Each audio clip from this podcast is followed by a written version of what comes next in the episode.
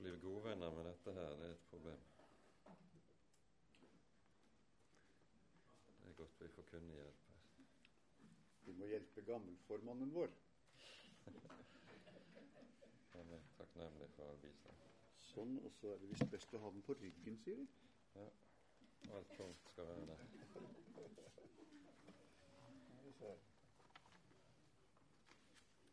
Ok. Håper dette høres. Jeg har problemer med å bli venner med denne her saken her. Uh,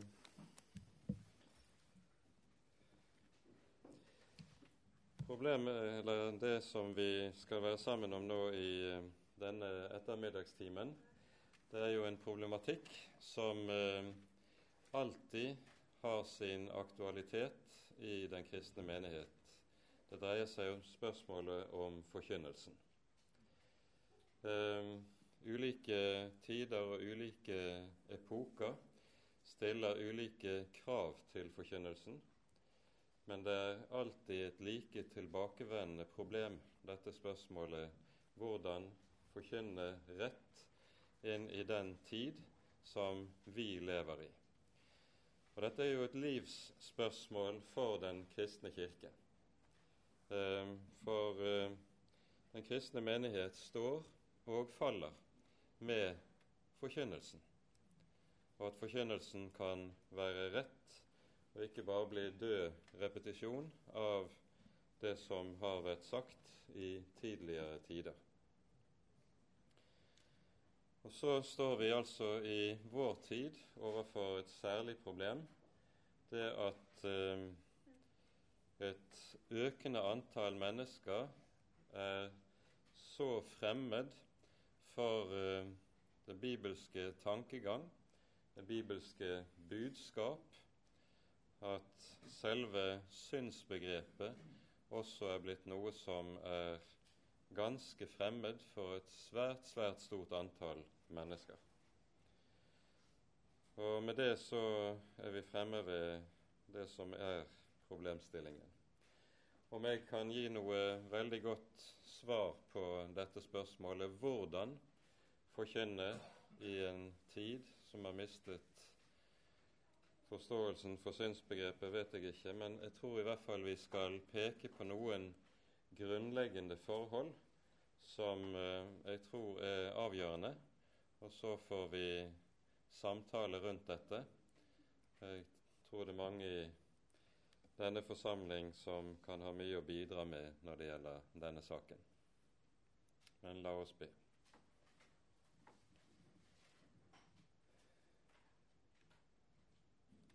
Kjære gode Herre, Hellige Far. Send din Hellige Ånd, og skriv dine ord inn i våre hjerter. Send din Hellige Ånd, at ordet ditt må leve på våre lepper. Amen.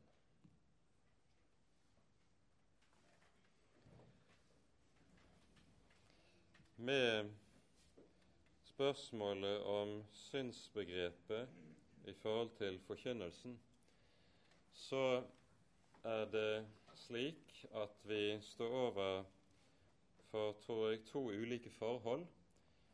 Eh, for det første noe som kanskje er eh, særegent for vår egen tid. Ikke i den betydning at det ikke fantes tidligere, men det det kanskje er blitt noe som er fremherskende mer og mer i den tid vi lever i. Og For det andre så står vi overfor noe som er allmennmenneskelig, eh, tror jeg, i bibelsk forstand. Og vi skal først stanse opp for eh, det siste.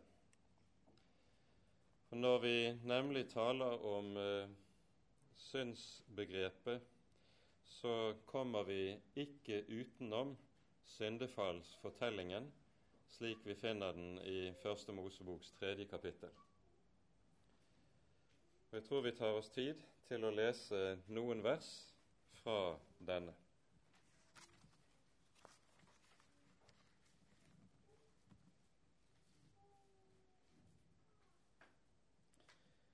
Etter at slangen har fått Adam og Eva på fall, så hører vi om eh, det som skjer umiddelbart etter fallet. Da ble begges øyne åpnet, og de skjønte at de var nakne. Så flettet de sammen fikenblad og bandt dem om livet. Og de hørte Gud Herren da han kom vandrende i hagen, da dagen var blitt sval. Og Adam og hans hustru skjulte seg for Herren Guds åsyn mellom trærne i hagen. Da kalte Herren Gud på Adam og sa til ham, Hvor er du? Og han svarte, Jeg hørte din røst i hagen, og da ble jeg redd, fordi jeg var naken, og jeg gjemte meg.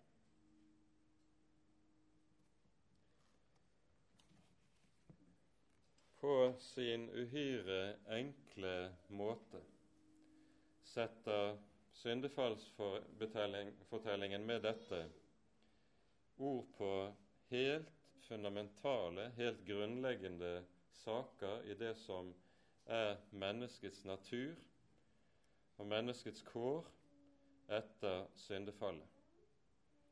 Det første som skjer etter fallet, det er at skammen melder seg. Da ble begges øyne åpnet, og de ble var, ble var at de var nakne. Skamfølelsen er det første som melder seg i forlengelsen av fallet, og med det det helt instinktive behovet for å skjule sin skam. Mennesket binder fikenblad om livet for å skjule sin skam. Dette er noe som er dypt, dypt nedlagt i alle mennesker. Og Du ser det allerede hos små barn. De behøver ikke lære det der som vi her er borte på. Og det som vi her hører, det er noe som kommer til uttrykk i det som Bibelen senere har et stadig og gjennomgående nytt oppgjør med. Og det er den menneskelige egenrettferdighet. For all menneskelig egenrettferdighet, det er dypest sett intet annet enn menneskets forsøk på å binde fikenblad om livet for å skjule sin skam. Skammen er der, en vil skjule den. Det er det all egenrettferdighet dreier seg om. Og Dermed er vi fremme ved det første som jeg tror allmennmenneskelig ligger der som et hovedproblem som forkynnelsen alltid må adressere når det, eller dersom en skal nå inn til mennesker med Guds ord. I ordspråksboken sies det sånn i det 16. kapittel alle en manns veier er rene i hans egne øyne, men Herren veier åndene. Og Med det så pekes det på to ting. For det første dette som har med den, det naturlige menneskets egenrettferdighet å gjøre. Det naturlige mennesket føler seg slett ikke som en synder. Tvert om, fikenbladene er det blitt godt oppøvet i å binde omkring seg fra barneårene av. Så det naturlige mennesket, de aller fleste mennesker, føler i grunnen at man er et ganske bra menneske. Selvfølgelig er jeg ikke feilfri, vil de fleste si, men Og denne innebygde egenrettferdighet, som altså har det med seg at det naturlige mennesket slett ikke føler seg som synder i den forstand som Bibelen sier det, det er noe av det som den bibelske forkynnelse alltid må møte. Men Herren veier åndene. Det er det forkynnelsen skal gjøre. Den legger sjelen i vektskålen Og så i møte med Guds vektlodder stiger den enkelte til værs, veiet, veiet og funnet for lett er dommen over det enkelte mennesket. Dette tror jeg er det første punktet vi skal stanse opp for å peke på i denne sammenheng. Den allmennmenneskelige egenrettferdighet som et hovedproblem. Og det er jo dette som også gjør at intet menneske har bruk for evangeliet før det har kommet dit hen at det vet seg veiet av Gud og funnet for lett. Hva skal man med syndenes forlatelse dersom man ikke er en synder? Selvfølgelig har man intet behov for det. Det andre trekket som vi ser i syndefallsfortellingen i forlengelsen av det som står om fikenbladene, er at når Herren så kommer vandrende i hagen, når kvelden er blitt sval, så springer de to av sted og gjemmer seg mellom buskene i hagen. Det falne mennesket roser seg jo av å være en skapning som er på leting etter sannheten. Man roser seg gjerne av at man er på leting etter Gud, sågar. Bibelen lærer oss noe ganske annet. Er det noe det falne mennesket ikke ønsker å vite og å kjenne, så er det sannheten. Og Derfor er det falne mennesket en skapning som er på flukt fra Gud, ikke en skapning som søker efter Gud. Og det er sannheten om det falne mennesket. Det falne mennesket er på flukt fra Gud. Og derfor Det har jo sin grunn i at skal jeg stå ansikt med, til ansikt med Han som er den levende Gud, så vil jeg også måtte stå ansikt til ansikt med mitt eget svik, med mitt eget fall. Og det ubehaget er så vanskelig å forholde seg til, at da springer heller mennesket av sted og skjuler seg mellom buskene i haven. Et lite trekk ved det som står i grunnteksten her i syndefallsfortellingen. Bokstavelig står det at da hørte de Gud, Herrens røst, komme vandrende i haven. Og med det så skjønner vi også at flukten fra Gud, den vil alltid ytre seg som flukt fra Guds ord. Og det er helt avgjørende å være oppmerksom på.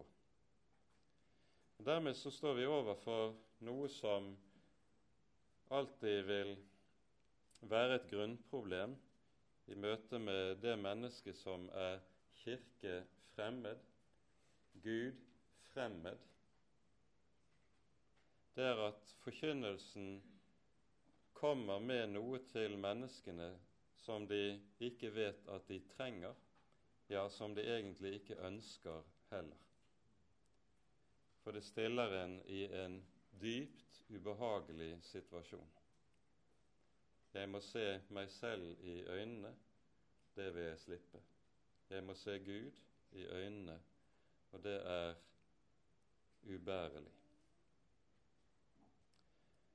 Jeg tror dette er viktig å ha i minne som en inngang til problemstillingen, for uh, det, i dette ligger noe av bakgrunnen for det som vi også ser er blitt så allment i våre dager. Det er noe som ligger på grunnleggende vis innlagt i alle mennesker fra fallet av, og som i våre dager kommer til uttrykk på denne måten at sekularisering og avkristning har ført og med det den tilhørende eh, mangel på bibelkunnskap, kristen kunnskap, har ført mennesker dit hen hvor vi i dag kan si at mennesket i alt vesentlig er uten synsbegrep. Dette forsterkes av et meget bestemt trekk i vår egen tid, den tid vi lever i, og det er det som vi kaller for antinomismen i teologien. Antinomismen det er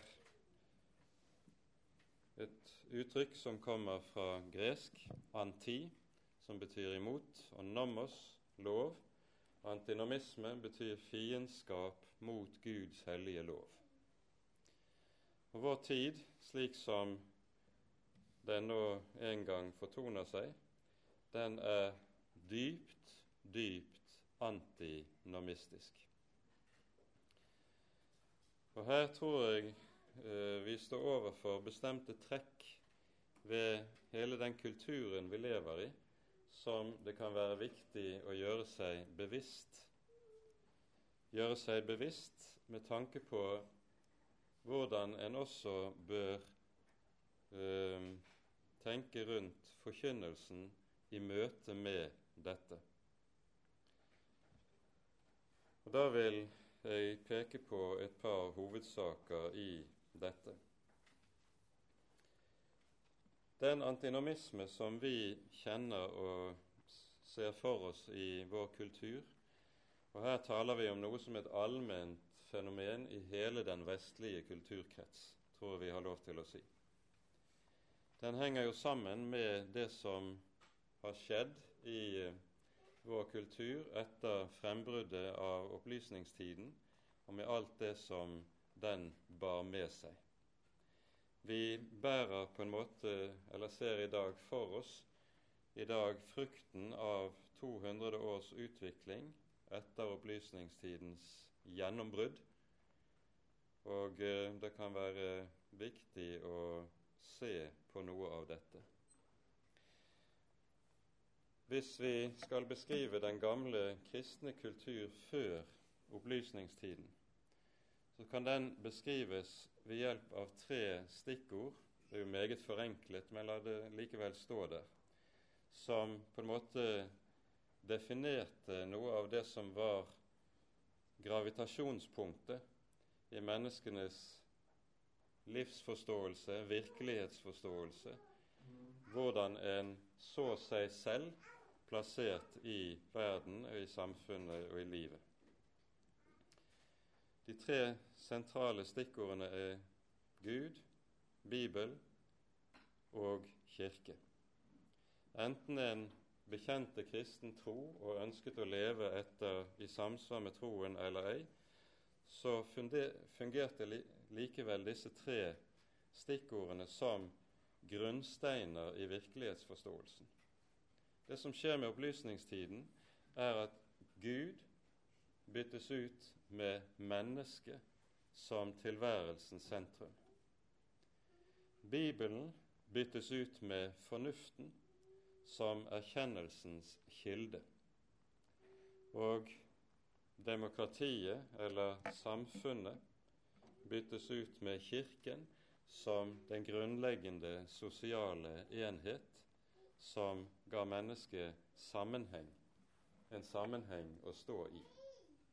Meget forenklet og med meget grove streker tror vi har lov til å si det sånn. Mennesket er blitt alle tings mål.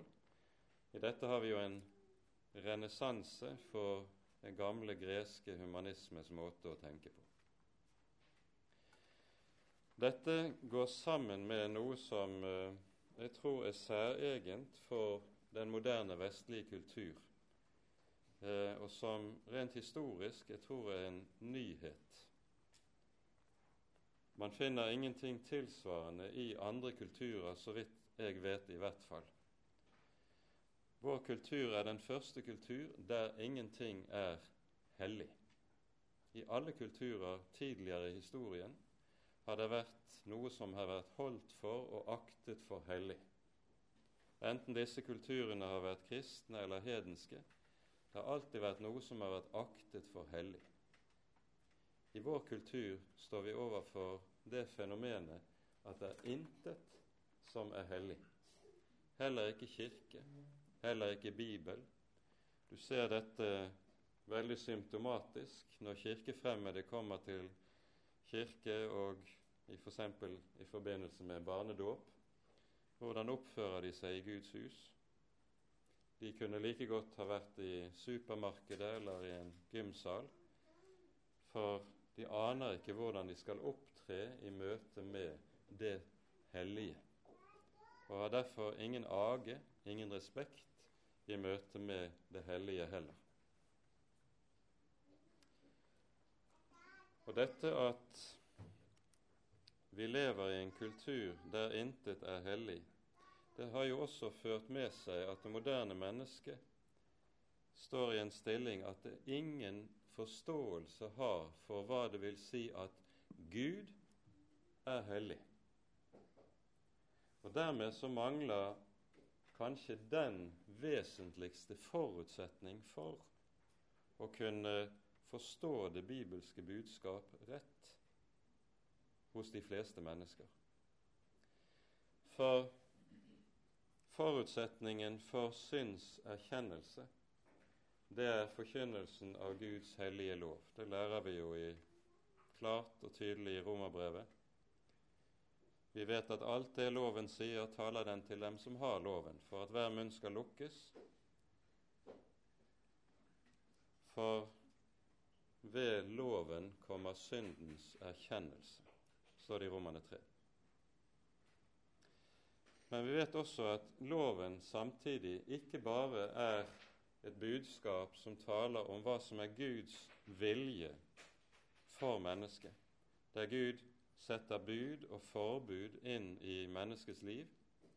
Men det er også slik at loven er en åpenbaring av hvem Gud er i seg selv.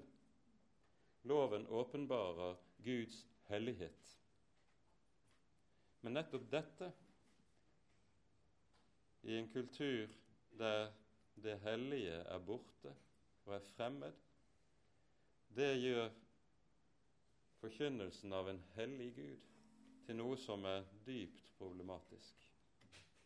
Men nettopp dette er helt essensielt for å i det hele tatt å kunne tale rett inn i vår kultur, det er at Guds hellighet løftes frem og klargjøres i forkynnelsen.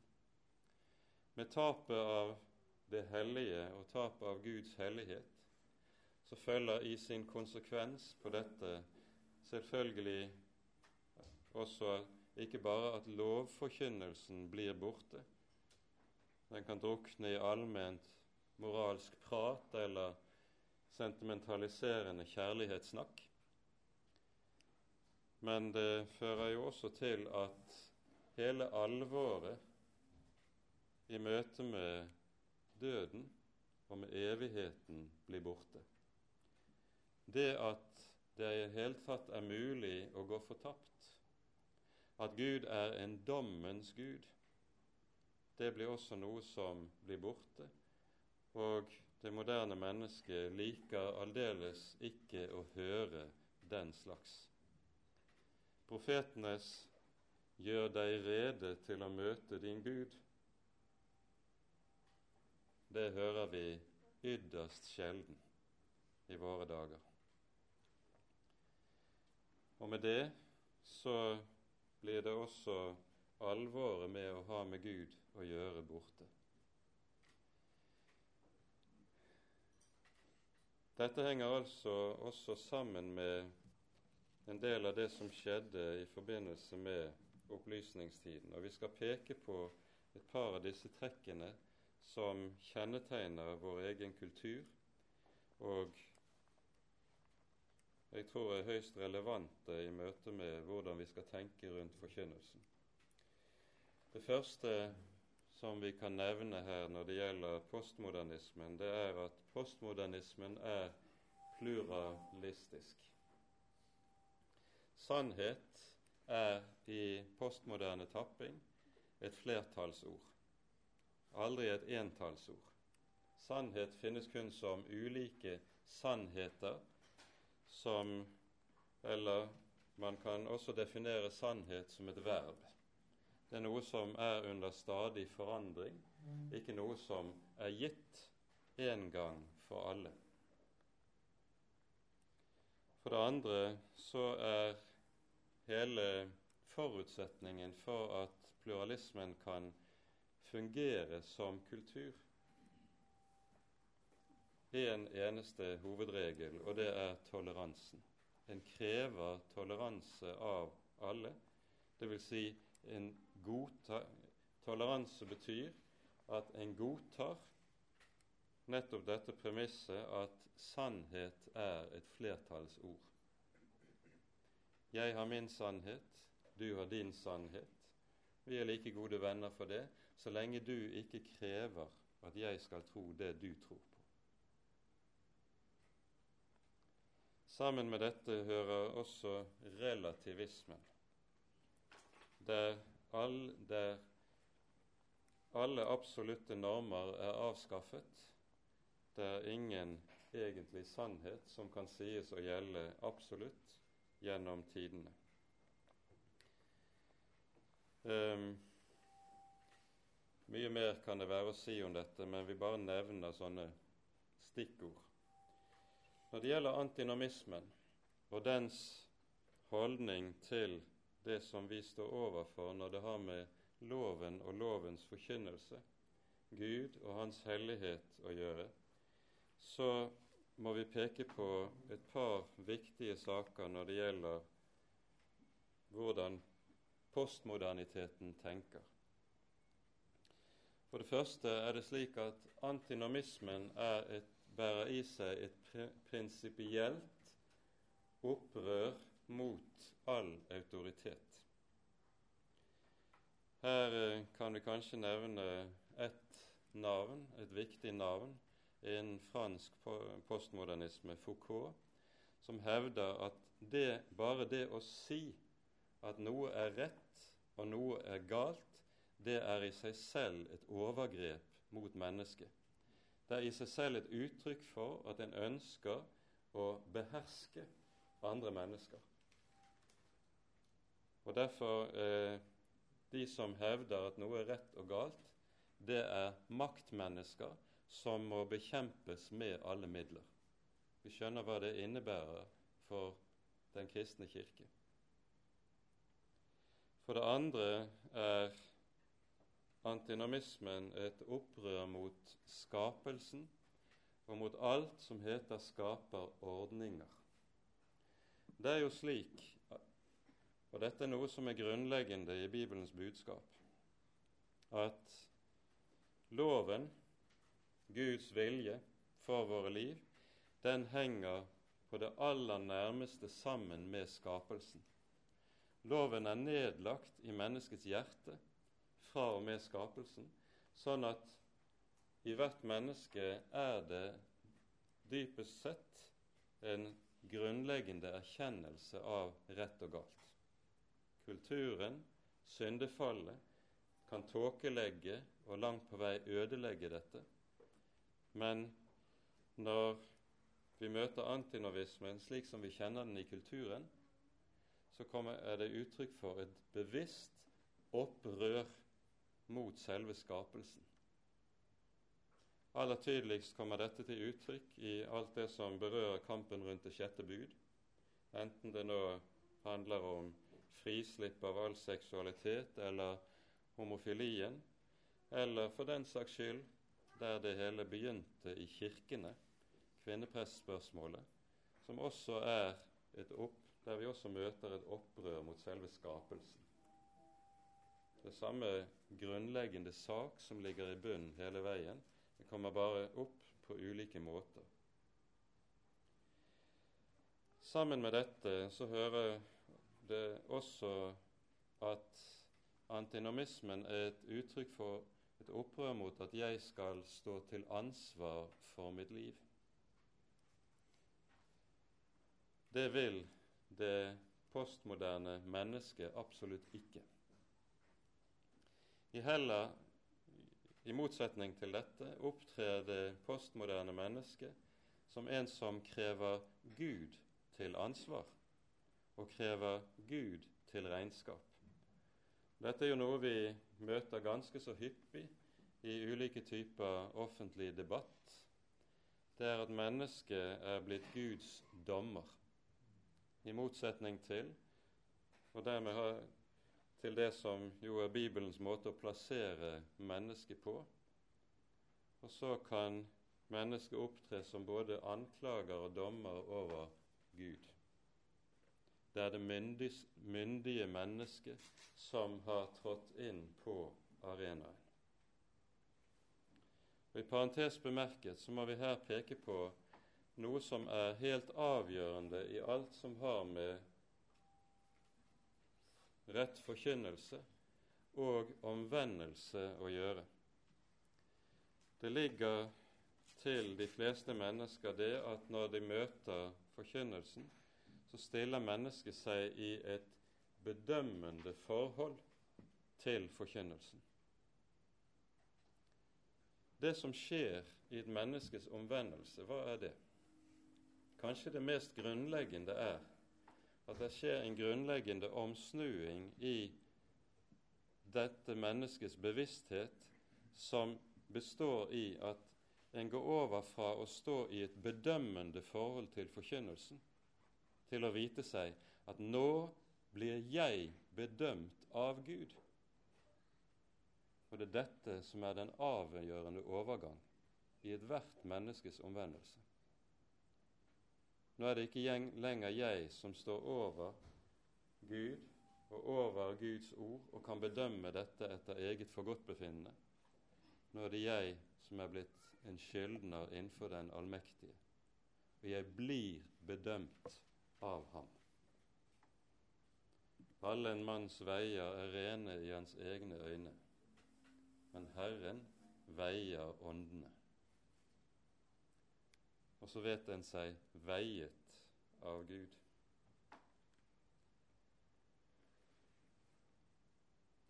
Antinomismen bærer også med seg i kjølvannet at når synd blir borte som menneskets problem, så er det noe annet som blir hovedsaken. Menneskets problem er ikke at jeg er ond, men at jeg har det vondt. Og Hvis Gud i det hele tatt da skal være relevant i møte med dette, så er han en Gud som skal hjelpe meg med mine problemer. Jeg kan fortelle ham både om det ene og det andre, så skal Gud vær så god stille opp og hjelpe meg med det som jeg synes er vanskelig eller smertefullt i livet. En forkynnelse som stiller spørsmålstegn ved meg, gjør meg skyldig. Det tilfører meg jo bare ytterligere problemer i tilværelsen, og det vil jeg ikke vite noe av. Og Derfor ønsker en heller ikke å høre på de prester eller forkynnere som representerer den slags. En ønsker i stedet å møte en Gud som er blitt omsorgsperson, og som stiller opp for meg når jeg måtte ønske det og jeg måtte behøve det, hjelper meg ettersom jeg måtte ha behov for det. Og inn i dette går jo hele moderne, det moderne velferdssamfunnets tenkning rundt velferd, som har gjort at folkekirkene med sin forkynnelse etter hvert er blitt en del av det moderne velferdsapparat.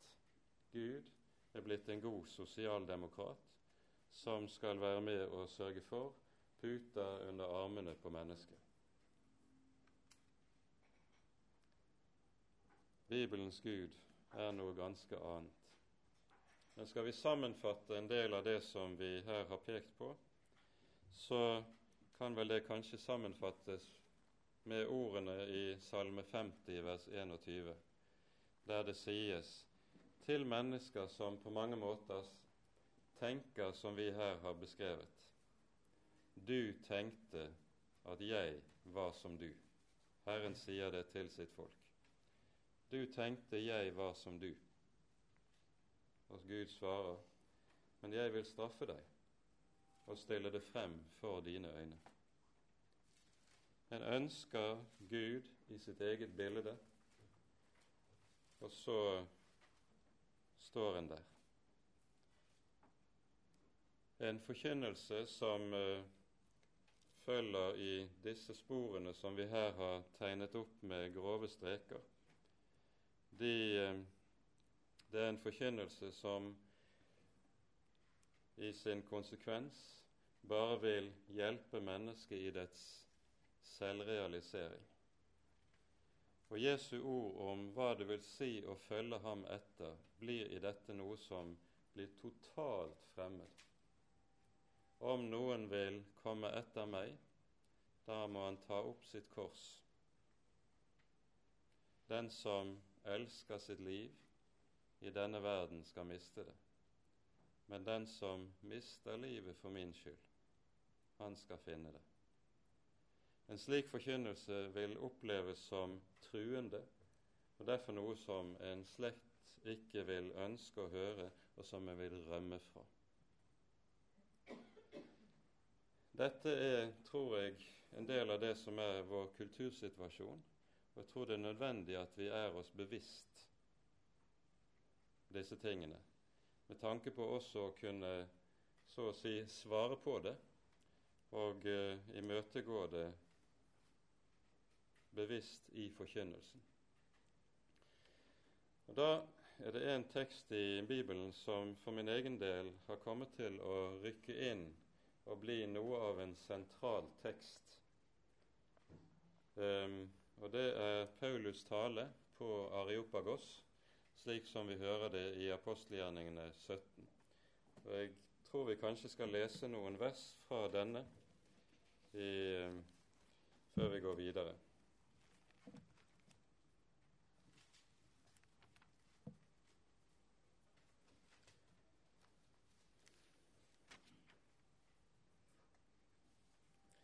Leser fra Vi leser fra vers 22 av følgende.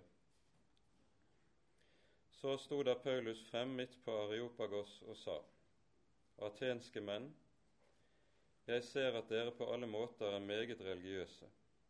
For da jeg gikk omkring og så på deres helligdommer, fant jeg et alter med denne innskrift For en ukjent Gud. Det dere altså dyrker uten å kjenne, det forkynner jeg dere. Gud, Han som skapte verden og alt som i den er, Han som er Herre over himmel og jord, han bor ikke i templer som er bygd med hender. Heller ikke lar han seg tjene av menneskehender som om han trengte til noe. For det er han selv som gir alle liv og ånde og alle ting. Og han lot alle folkeslag av ett blod bo over hele jorderiket, osv. Det første Paulus gjør i møte med dette som var datidens kirkefremmede, bibelfremmede, gudfremmede kultur, det er å tale om skapelsen. Å forkynne skaperen, og hvem skaperen er. Jeg tror dette er uhyre avgjørende, for med, det er jo en del av det som er blitt det moderne menneskets tankegods, det er at ved hjelp av darwinismen kan en avsette Gud som skaper. Jeg tror det er helt avgjørende for all kristen forkynnelse, all kristen virkelighetsforståelse, at Gud kan forstås som skaperen og forkynnes som skaperen. Vi nevnte tidligere at antinomismen nettopp bærer i seg opprør mot skapelsen. I møte med dette så må skaperen forkynnes. For det annet, vi leser ikke hele avsnittet med Paulus' tale her i sammenheng, men eh, vi gjør et lite hopp, og eh, så hører vi Paulus fortsetter fra vers 30 av. Etter at Gud har båret over med uvitenhetens tider, befaler han nå alle mennesker alle steder at de skal omvende seg. For han har fastsatt en dag da han skal dømme verden med rettferdighet. Dette skal skje ved en mann han har utvalgt til det, etter at han har gitt fullgodt bevis for det for alle ved å reise ham opp fra de døde. Tre ting vi skal merke oss i måten Paulus her ordlegger seg på. Etter at han har talt om Gud som skaper, Gud som historiens herre, og med det som allmaktens Gud, så taler han om mennesket som en skapning som står til ansvar. Og så sier han etter at Gud har båret over med vankunnighetens tider, befaler han nå alle mennesker at de skal omvende seg. Og Med det er vi inne på noe som vi ser som en uhyre sentral side ved lovens forkynnelse i vår bibel, nemlig lovens form. Når Gud taler sin hellige lov, så lyder det 'du skal'. Du skal ikke. Og Dette skal vi merke oss ganske grundig. Herren sier ikke 'kunne du tenke deg'? Han sier ikke 'du må da skjønne at det er best for alle parter at du gjør slik og slik'. Han kommer ikke med tema som han legger frem til diskusjon. Og så skal den videre diskurs avgjøre hva som er den rette vei. Nei, han sier 'du skal'. Og I Paulus tale på Areopagos er dette altså formulert sånn som vi hører det. Han befaler alle mennesker at de skal vende om. Når loven har denne form, så har det, den det med seg at den plasserer mennesket, den som kan befale, den som har rett til å si 'du skal' og 'du skal ikke', det er Gud. Og så plasseres mennesket som den som står under Gud, ikke over ham. Ikke som den som kan kreve Gud til regnskap, eller begynne å inngå forhandlinger med Gud og akkordere med ham. I ordene 'du skal' så definerer Gud hva som er menneskets plass. Gud er Gud, og mennesket er menneske. Og det at Gud får lov til å være Gud på ramme alvor, det tror jeg er en helt avgjørende side ved forkynnelsen hvis den skal være rett i møte med det moderne mennesket. Å gi seg inn på det moderne menneskets akkordering med Gud, det er en dødslinje. For da opphører Han som er Herre, å være Herre. Guds navn er i Skriften gitt oss. Jeg er den jeg er. Det er navnet som åpenbares for Moses. Jeg er den jeg er. Guds navn er ikke 'jeg er den du ønsker jeg skal være'. Det er sånn menneskene tenker når de lager seg sine guder i sitt eget bilde. Men Gud sier 'jeg er den jeg er'. Du skal ikke ha andre guder enn meg. Du skal ikke misbruke Herren i Guds navn, osv osv. Gud er Gud.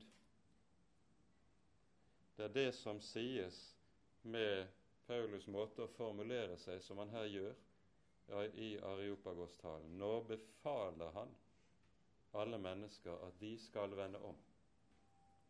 For det annet så forkynner apostelen for han har fastsatt en dag da han skal dømme verden med rettferdighet. Paulus skygger ikke unna det som det moderne mennesket ikke liker å høre på, at det skal stå til ansvar. Tvert om holder han det frem som noe av sentra den sentrale realitet som hvert menneske skal vite. Gjør deg rede til å møte din Gud, til å møte din skaper. For saken i dette er jo også den at når Gud krever mennesket til regnskap, krever mennesket til ansvar, så ligger det i dette noe av det som er det grunnleggende i menneskeverdet, og som gjør mennesket forskjellig fra dyret. Dyret skal ikke svare regnskap for sitt liv. Det står ikke til ansvar. Men mennesket er den skapning som står der i Guds bilde, og derfor også er ansvarlig. Han har fastsatt en dag da han skal dømme verden med rettferdighet. Og så til slutt, i møte med det, i fortsettelsen av dette, så forkynnes Jesu navn. Dette skal skje ved den mann han har utvalgt til det, etter at han er gitt fullgodt bevis for alle ved å reise ham opp fra de døde. Her avbrytes Paulus. Nå vil de ikke høre mer. Dette var for mye. Og så sier de vi kan jo kanskje snakke sammen ved en senere anledning. Men det er et par som har fått øre til å høre. Dionysos er en av dem. Kristi navn holdes frem som dommeren. Og Det som vi kan ane ligger i forlengelsen av det som her er skjedd, er vel noe av det samme som skjer på pinsedagen. Da de hørte dette, sies det om reaksjonen etter Peters tale på pinsedag. Da de hørte dette, stakk det dem i hjertet. Og de spurte, brødre, hva skal vi gjøre for å bli frelst?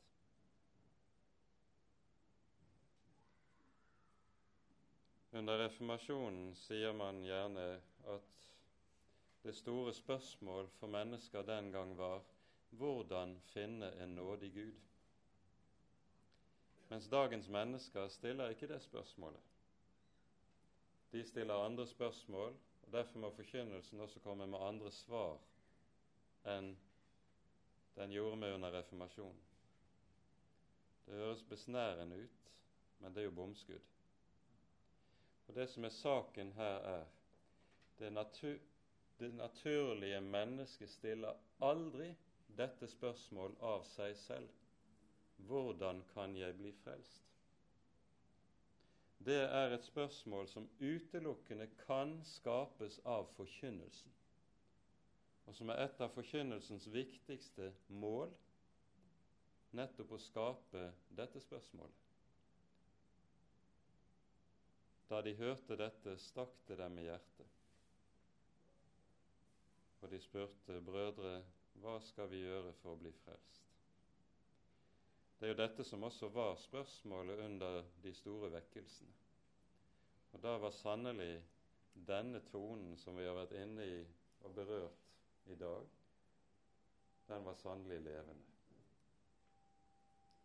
Og kanskje det at denne tonen er blitt så tilbaketrengt, også er noe av årsaken til at vi møter det spørsmålet i så liten grad som vi gjør det i våre dager.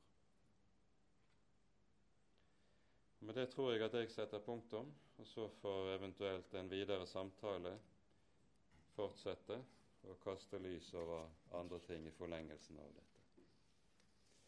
Ære være Faderen og Sønnen og Den hellige ånd, som var og er og være skal, en sann Gud, høylovet i evighet. Amen.